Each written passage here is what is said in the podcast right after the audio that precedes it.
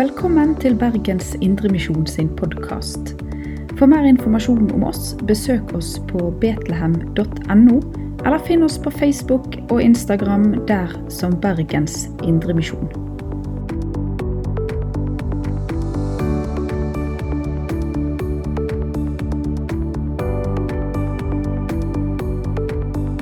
Tusen takk.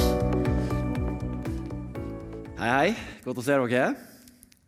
Mitt navn er da Karl Johan. Bor i Oslo. Jobber i laget. Og det vil jeg jo bare begynne med å si. Utrolig takknemlig for at dere er blitt partnermenighet med laget.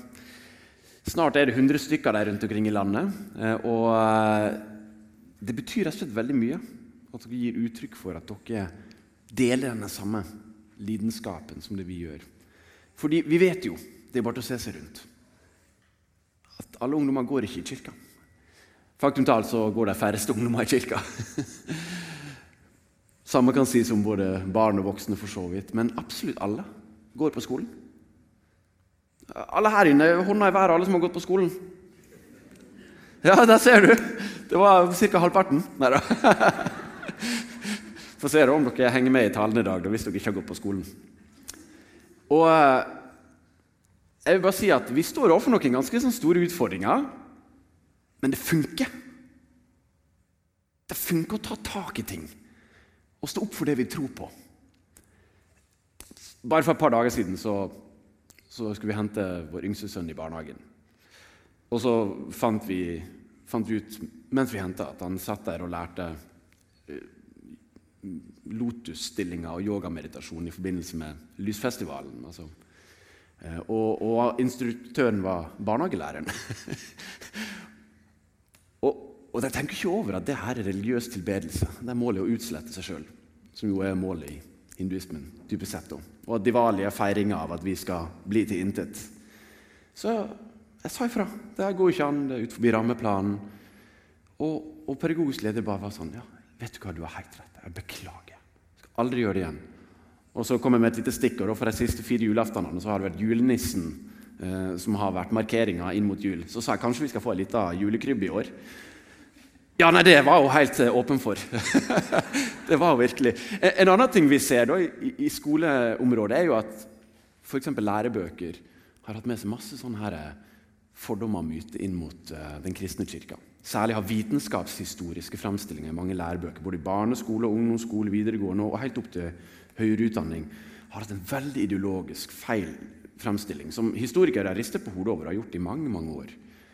Men ingen har gjort noe med det inntil, um, inntil uh, Bjørn Are Davidsen skrev en bok som heter 'Lurt av læreboka' for noen år tilbake.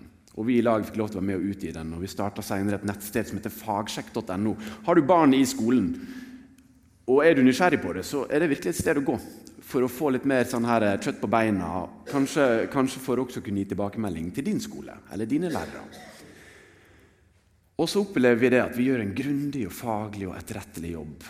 Og så skjer det lenge ingenting, og plutselig, i høst, to lærebøker har blitt trukket som følge av presset fra de tingene som er avdekka.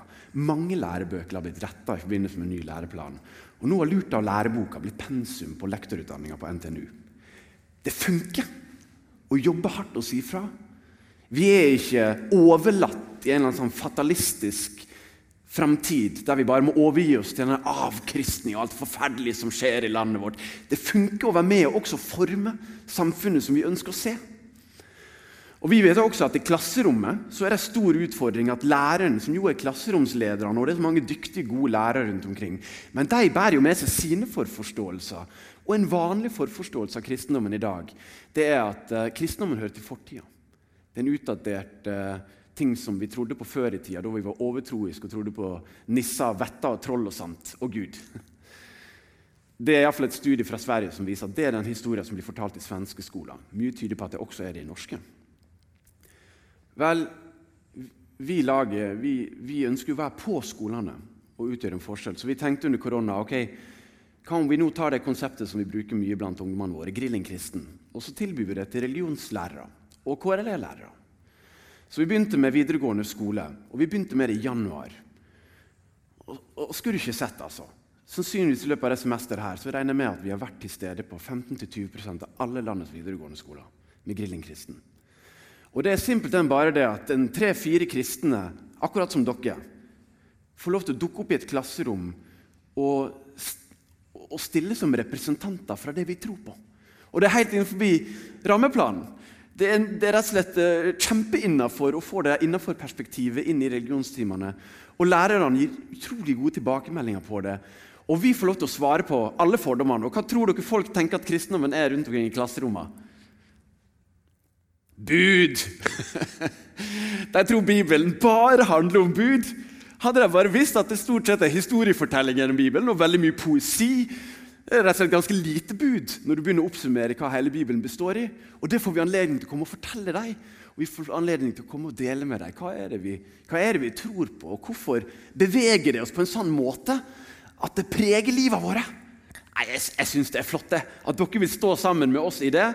Og så kan det jo være litt kult. Kanskje har dere unge mennesker her som er ungdomsskoleelever, videregående elever, som studerer. Og dere er iallfall mange som er i yrkeslivet. Sant? Og kanskje kan det her være, være, en start. Jeg vet Nå hadde dere Tro yrkeskonferanse for et par helger siden. Denne bevisstheten med at troa er til for å gjennomsyre hele livet vårt. Hele hverdagene våre. Det er ikke et tidspunkt av hverdagen hvor vi ikke skinner som lys der vi er. Så er spørsmålet hvor god jobb har vi gjort for å dekke til det. da i fortida. Så jeg, Mitt håp er at i framtida kan vi se kristen folk, menigheter, grupper, forsamlinger rundt omkring i landet som frimodig tenker at jeg har gode nyheter for mine venner, medstudenter, medelever og kollegaer. Jeg vokste opp på Sotra. Og eh, Min far som flere av dere kjenner, var lærer for Bibelskolen Bildøy.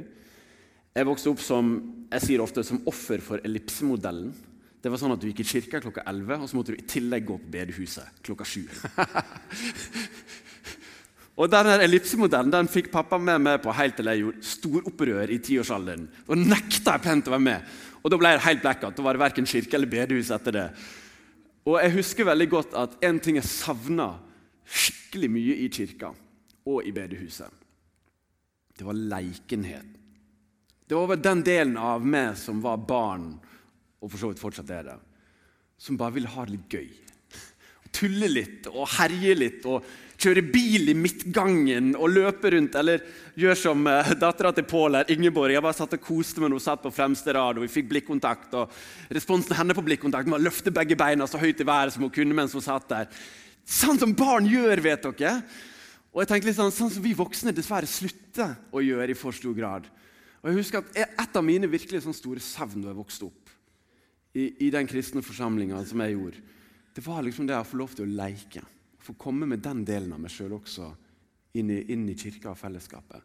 Heldigvis så jeg kjent jeg kjente jo alle disse som jeg møtte i kirka bedehus, for mange av dem utenom også. Sånn som med Skrunesand her nede. Jeg feira nyttårsaften der sånn fem-seks ganger. Jeg husker jeg gleder meg alltid så mye, for der fikk jeg se på Asterix og Obelix. Vi hadde ikke videospiller hjemme. Og så kunne vi gå på nyttårsbukk. Det var kjempestas. Jeg visste jo det. det er jo bare, folk er jo ikke bare de tørrpinnene de er i kirka. Ikke til dere direkte. men, men, vi er jo så mye mer. Og jeg fikk se det på hjemmebane, og pappa var seriøs på talerstolen, og farfaren min som nå noen av dere også kanskje vet hvem er, Gunnar Sjøde. Han var også seriøs på talerstolen, men når vi tok fram ludobrettet, så så jeg jo leikenheten. Jeg visste at han var der, ikke langt under overflata heller. Men det var akkurat som vi skulle legge ham fra oss når vi gikk inn i kirka. Jeg syntes det var så rart. Og jeg, og jeg, måtte jobbe lenge for å finne ut av hvordan skal vi være hele mennesket inni det her. da. Og, og, heldigvis fant jeg ut av det. Min, min søster gikk sammen med Heidi her på YA jeg ble kalt for fremmedordboka som barn, eh, og, og, jeg kalte YA for Hva var det jeg sa igjen? Um, ynkelige analfabeter. Da, da, da søstera mi begynte å gå der. og Det var mest av misunnelse fordi jeg sjøl ikke var gammel nok til å gå. Men uh, hun fikk del i et fellesskap her som var med vet jeg, å forme livet hennes. Tenåringsfellesskapet som hun fikk her blant dere. Um, jeg fikk heldigvis del i det senere i livet. Og det er skikkelig skikkelig takknemlig for, der det var rom for både leik og alvor. I dag så har vi en tekst, Johannes 10,10. 10. Jeg gikk skikkelig rogue og tok, med, tok, det helt ut av skriftrekka. Ingen eh, allehelgenstale herfra, altså, selv om vi kunne snakka mye om både helgenene og det å bli helliggjort. Men eh, i Johannes kapittel 10, eh, vers 10, så eh, har Jesus vært gjennom en lignelse. Den skal vi snakke bitte litt om straks. Og så kommer han med en forklaring på lignelsen. Fordi disiplene og de som hører på, skjønner ikke bæret. Og det er jo ofte sånn det er eh, når Jesus forteller lignelser. Han må gå liksom flere runder med dem for å få dem til å forstå. Og, og de, skjønte jo, de, skjønte jo, ikke etter at han forklarte heller stort sett. Faktisk altså satt jo disiplene på det siste måltidet. Fortsatt å krangle om hvem av dem som var størst. og Her har de gått med Jesus i tre år. Det er helt utrolig hvor treiglærte de er. Så sånn sett så gir de oss litt nåde da, i forhold til også selv å være treiglærte når det kommer til etterfølgelsen. Men i Johannes 10, 10 så står det tyven kommer bare for å stjele, drepe og ødelegge. Men jeg, altså Jesus, sier han da, jeg er kommet for at dere skal ha liv i overflod. Det er et rikt og deilig vers. Vi skal dykke litt ned i det. Eh, men la meg bare be. Herre, åpne opp dette verset for oss. Åpne det opp for oss i fellesskapet, hva det har å si for oss. Og åpner det opp for oss, hver og en av oss, hva det har å si inn i våre liv. Amen. Jeg skal prøve å dra litt leikenheten inn i uh, søndagsforsamlinga i Betlehem. Jeg vet ikke hvordan det blir mottatt. Dere har jo allerede rukket opp hånda, så det tyder jo at det er en slags aktivering i hvert fall på respons. Men jeg er litt ute etter uh, favorittdyret deres. Og uh, jeg er egentlig ute etter at vi ikke skal si favorittdyret vårt, eller snakke om det to og to, som kanskje en kunne gjort på et spenstig lag, men at vi skal prøve å imitere det. Vi har vel alle på et eller annet nivå eller på en eller annen gang tenkt oss sjøl at hvis jeg skulle vært et dyr, hva ville jeg vært da? Har dere ikke det? Alle har jo gjort det en eller annen gang. Og hvis du ikke har gjort det før, så har du nå fått litt betenkningstid. Jeg prøver å varme dere opp. Uh, inntil uh, vi, de av dere som kan gå og har lyst til å være med og stå, uh, nå skal få lov til å, røyse seg og imitere det dyret som du kunne ønske at du var om du ikke var akkurat du. da. Skal vi prøve det sammen nå og se om leikenheten lever i Betlehem? da kan dere som har lyst, opp og stå. Jeg kan jo ikke befale noen. Og så skal vi få lov til å imitere det dyret vi ville vært. Og du kan gjøre det med lyd og bevegelse helt fritt fram.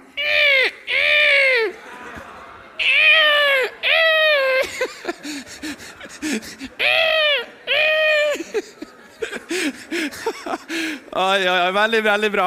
Jeg vet ikke helt hva det dyret her er for noe, men jeg så ganske mange av den. Jeg tror det er en sånn lama som står litt stolt med strokken hals. Og Nei, den var fin. Jeg så heller ingen sauer. Var det en sau? Fanta der var en sau der bak òg.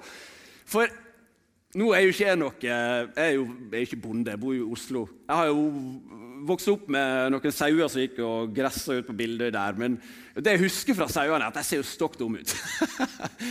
de tygger, og så har liksom denne underkjevebevegelsen som går i en sånn sirkulasjon mens de har saudastien. Blikket godt planta ut i ingenting. Sauer er jo et utrolig lite flatterende dyr å bli sammenligna med, egentlig.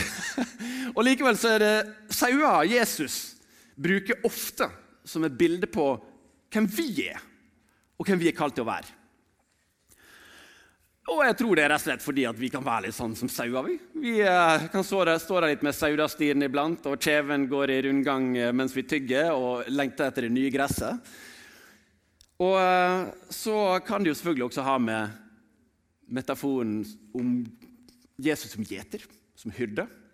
Mange grunner til det. En skal ikke dra for mye ut av metaforer eller bilder. De brukes tross alt som et pedagogisk virkemiddel. Men uh, her har Jesus sagt at vi er som sauer, alle og enhver og en av oss. Og at uh, vi som sauer som tilhører gjeteren, kan gå trygt inn og ut av innhegninga.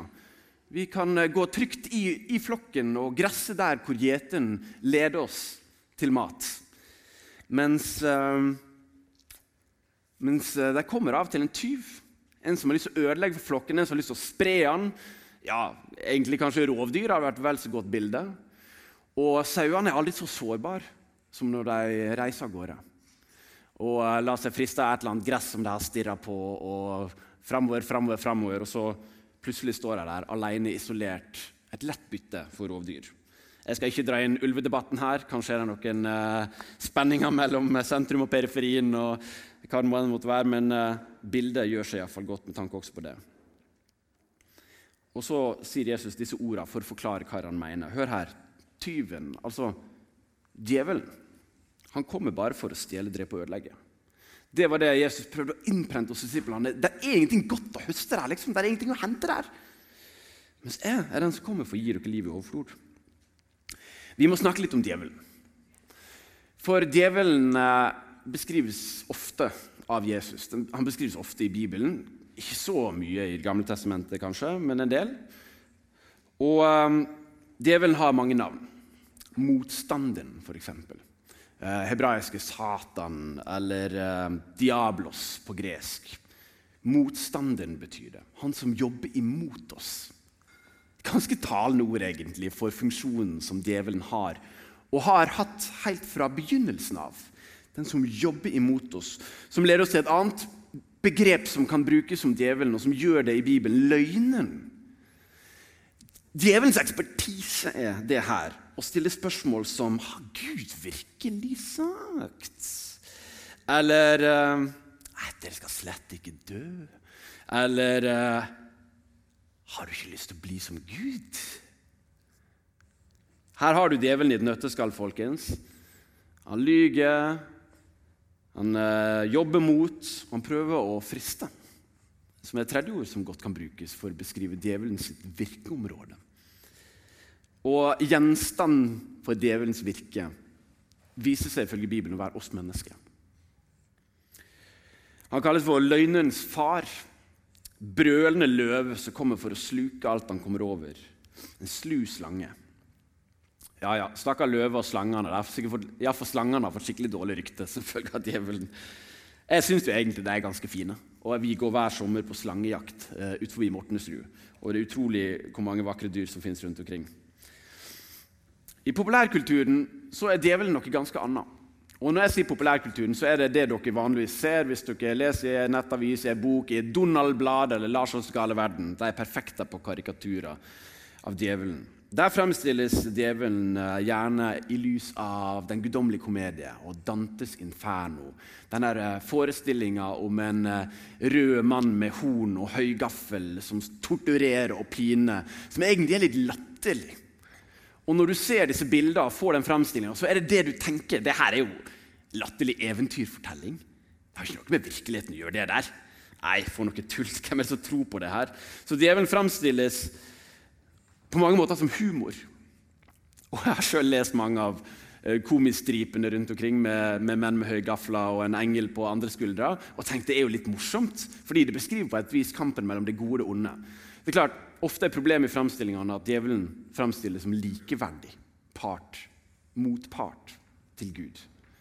Noe som han simpelthen ikke det er ikke, ikke bare å nevnes i samme åndedrag engang. Djevelen er ikke noe, det er ikke noe yin og yang-religion, kristendommen, der du har en god og ond motpart som skaper likebalanse, og som egentlig har hver sin nyttige funksjon. Djevelen representerer alt det opprøret som fins i verden, og som også fins inni oss. Og djevelen er virkelig og kan friste, men har ikke makt når Gud stiller opp på banen. Har ingenting å komme opp med, kort og godt. Djevelen framstilles altså komisk og litt latterlig nesten i populærkulturen, men en av de mest spilte sangene som ungdommene dere har hørt på i løpet av det siste året, heter Montero. Og det er en hyllest til djevelen. Og det er en hyllest til opprøret som skjedde i Edens hage. Og det er en hyllest til å følge lystene sine enhver tid Alltid. Lill Næss heter artisten som fremfører Montero. og Den er bare en av mange sanger som en går og nynner på. som en bare aldri, aldri burde nynne på. Jeg husker veldig godt å jobbe som bibelskolelærer, og Det var ei spilleliste som gikk over høyttaleranlegget. og Alle elevene gikk rundt og vaska og, og styra og ordna. Det var ca. en halvtime. Og Så tok jeg en dag og sa nå skal vi ha tekstanalyse av sangene. Og så tok vi alle sangene på spillelista og så analyserte vi gjennom hva er det de synger. Blant annet en sang som mange hadde gått og nynna på og sang høyt til. Take me to church. De snakker om kirke. Det må være bra. Og så handler det om hvordan kirke er de som kommer og dreper dem med slaktekniven, og hvordan kirka med sin fordømmende og undertrykkende holdning holder hele din livslyst nede. Og det her gikk alle og nynna på. sant? Det vi fyller oss med, er ofte helt ubevisste ting, men det er ganske tydelige budskap de fins rundt oss, og de er direkte i motsetning til det kristne budskapet, sånn som det fremkommer i Bibelen. Så det var litt om, eh, litt om uh, djevelen. Djevelens rolle er å avspore våre lengsler. Og lure oss til å ta til takke med noe som er mindre enn det Gud ønsker å gi oss. Djevelen ønsker å avspore våre lengsler. Det er det første punktet, og en ting jeg virkelig håper at dere tar med dere herfra. Det er virkeområdet til djevelen. Og så står vi ansvarlig for hva det er vi tar til takke med når djevelen frister oss til å si 'ta det', når vi vet at Gud vil at jeg skal ha det. Jeg skal gi dere noen eksempler også.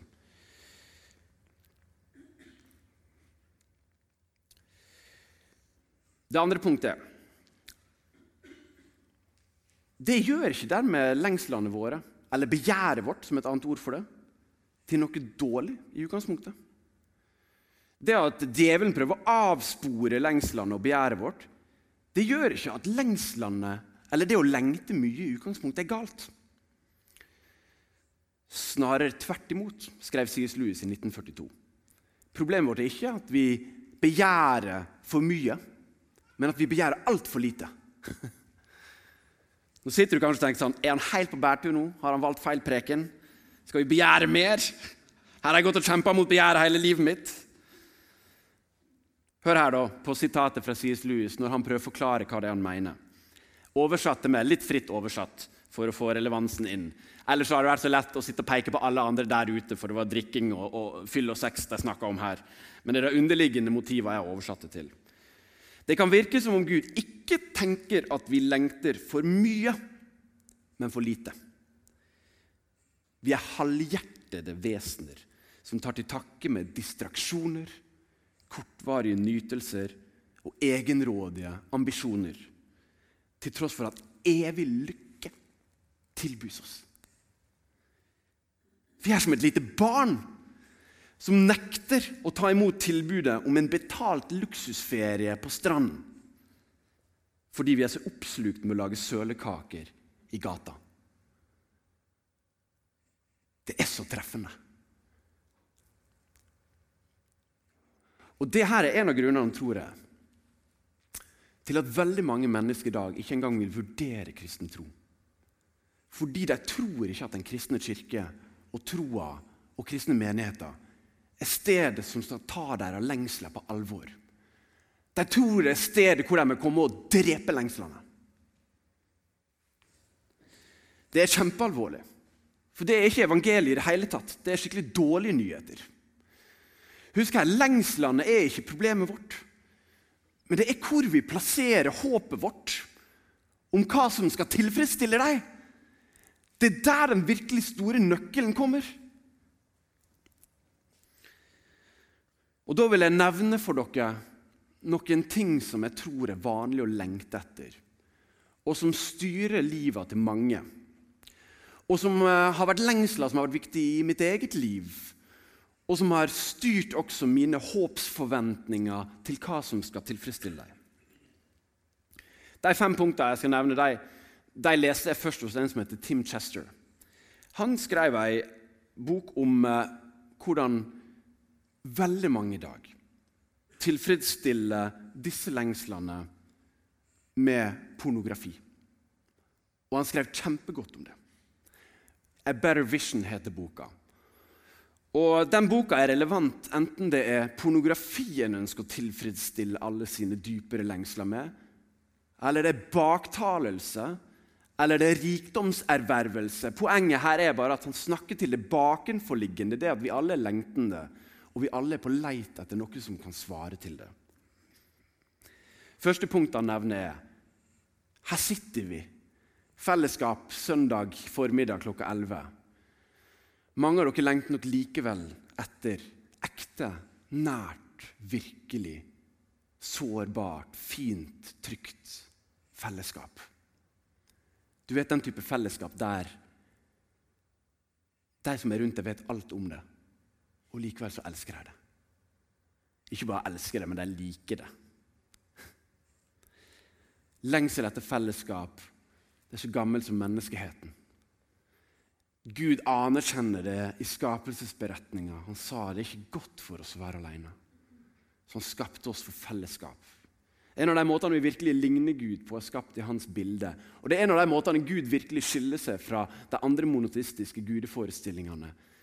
For i eh, monoteistiske gudeforestillinger uten tre personer fra evighet av, så er Gud evig sjølopptatt. Mens i den evige Guds vesen så er Faderen, Sønnen og Den hellige ånd evig andresentrisk og opptatt av å gi. Han er fellesskapet i sin natur, han skaper oss til å ligne han i fellesskap. Men hvorfor går vi ikke bare og får oss et godt fellesskap, da, folkens? Det er jo, det er jo så enkelt. Det er jo ikke så enkelt. Fordi at For å få nært, ekte, sårbart, dypt vennlig, nådefullt fellesskap, så må du gå på vannet. Og veldig mange har brent seg på det. Så istedenfor å våge etter første, andre, tredje forsøk, så slutter en å prøve. I frykt for avvisning, i frykt for å ikke få det tilbake som du gir. I frykt for å bli stående igjen alene eller i frykt for å føle seg dum. Så setter vi opp ei hard mine, vi setter oss alene, vi jobber alene, og vi går så fort kirkekaffen har begynt. Fordi vi orker ikke lenger.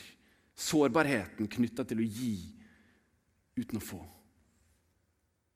Vel, Gud han taler til oss om et annet type fellesskap. Både som han har for oss.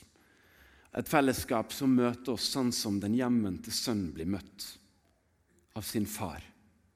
Husker dere det? Husker dere hvor sterkt det bildet om en som har forkasta sin far og mer eller mindre erklært han død? og som likevel får komme hjem til en mann som løper han i møte med omfavnede armer. Jeg lengter etter det hele tida. Den type fellesskap det er jo noe av det vakreste jeg kan tenke meg. Sånn er Gud, så hvorfor ikke vi sånn som menigheter ofte? Vel, Jesus kaller oss i hvert fall til å være Han her på jorda. Og jeg tror det er en måte vi kan oppnå den type fellesskap med på oss imellom. Og det er Hver og en av oss får lov til å sørge for at vi har det fellesskapet med Han først. Vi lengter etter fellesskap, men vi lengter også etter å bli beundra, bli sett, bli anerkjent.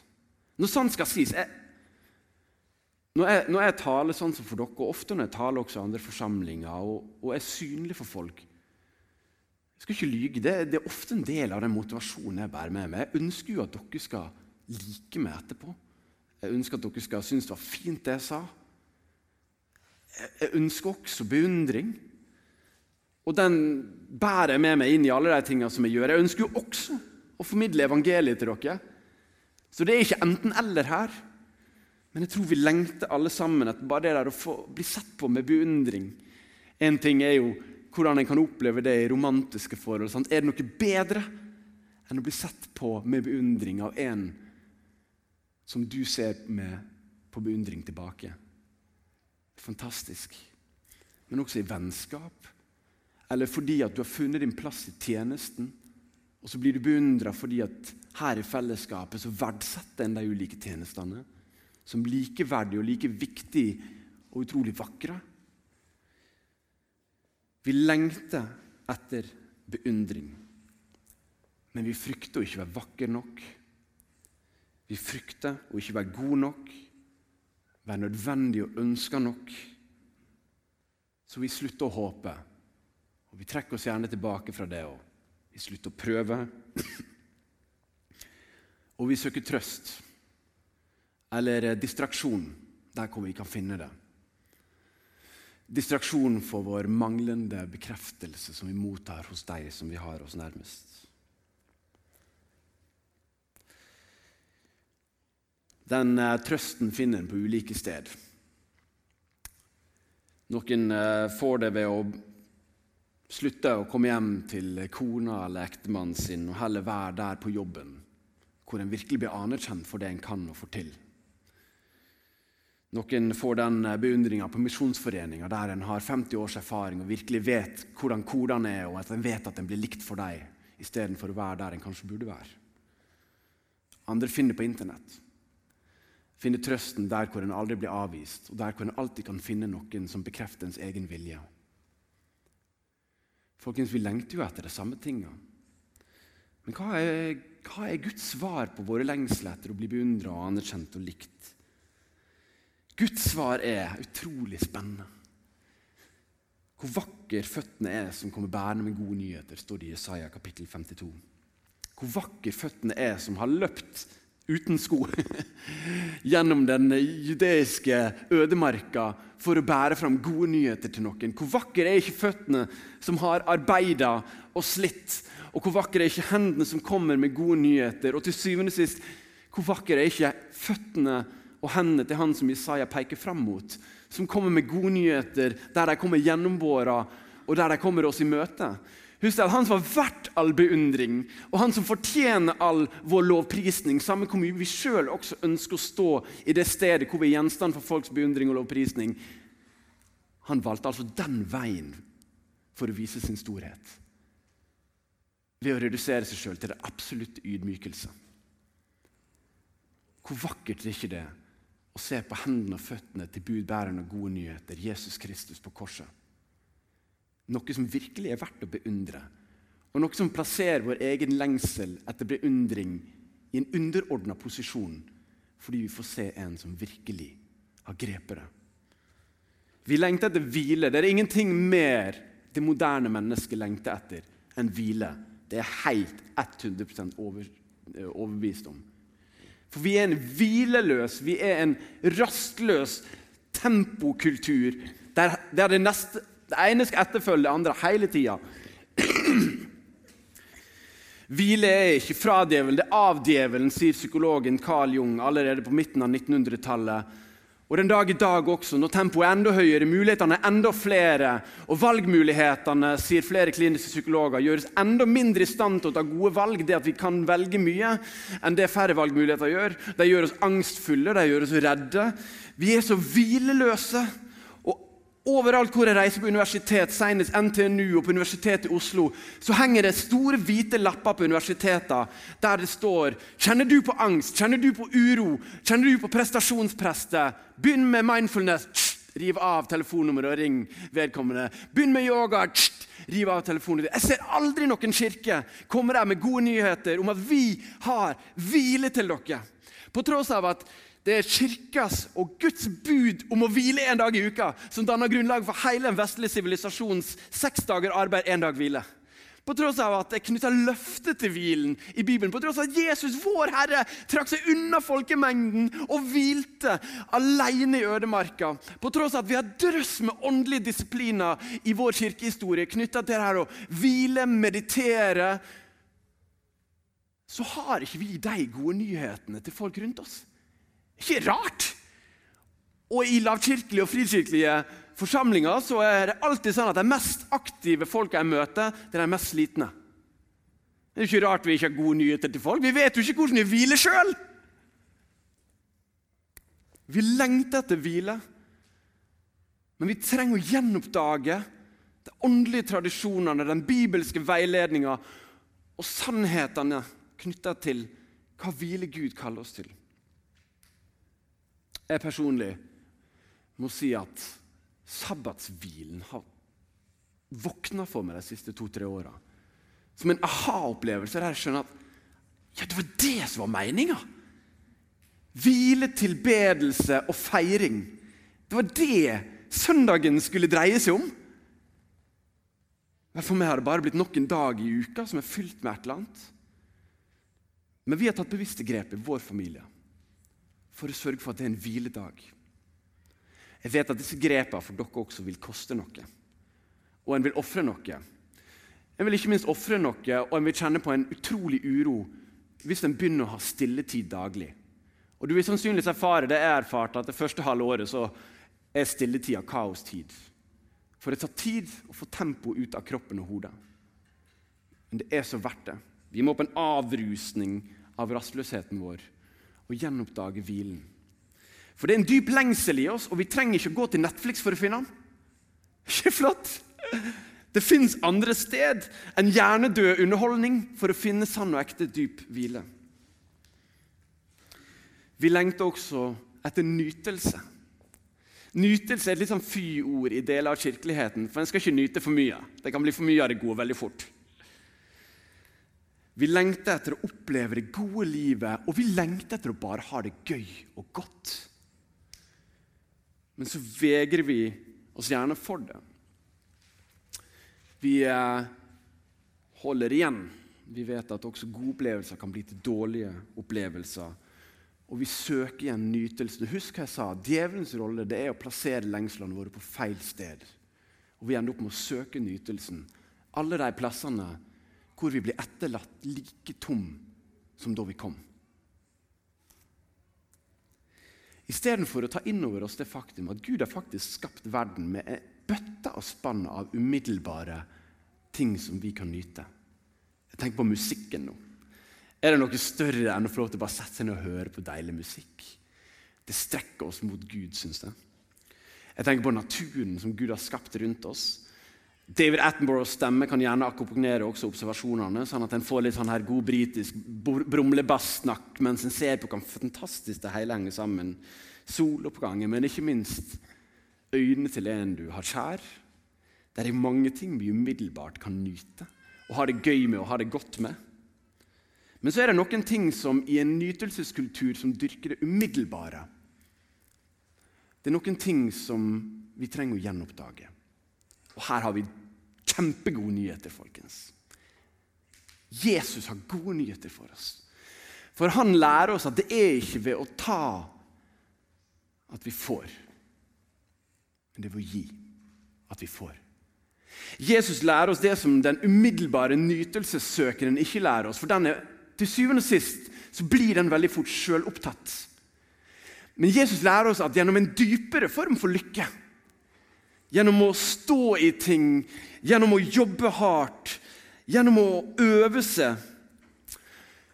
Gjennom å prøve og feile, men likevel holde fast ved det du tror er sant og rett. Ved å gå opp på toppen av fjellet framfor å fly opp til toppen av fjellet, så oppnår du en annen type nytelse. Ved å studere sjøl til eksamen snarere enn å jukse det til et godt resultat, så finner du en annen, dypere lykke gjennom de nære relasjonene, der hvor du brynes over tiden, men en vil hverandre vel. Så vokser du dypere, du får en dypere lykke. Du vokser dypere inn i deg sjøl, og du blir i stand til å gi. Du blir i stand til å gi gode ting til andre uten å forvente det tilbake. Du blir i stand til å gjengjelde det gode Jesus har gitt deg, når du vokser inn i dypere forhold til Jesus, istedenfor å gjengjelde det onde som andre har gitt deg. Vet du hva? Jesus har så gode nyheter i møte med våre lengsler. Men tyven prøver å komme og stjele, drepe og ødelegge.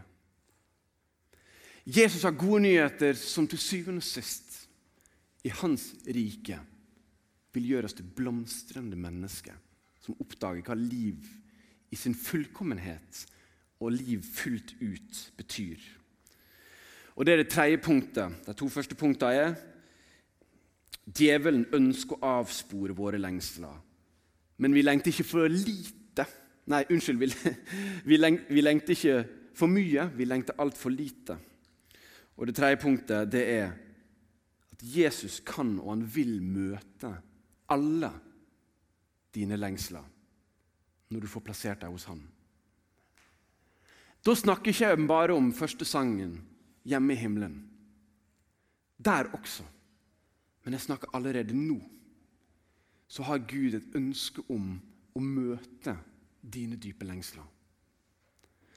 Og utfordringa her er Kanskje er du i kategorien som syns at Jesus Jesus virker veldig uklar for det, og han har gjort det lenge. Du vet ikke helt om du klarer å se han lenger som du så han da du en gang fikk omvendelsesøyeblikket ditt.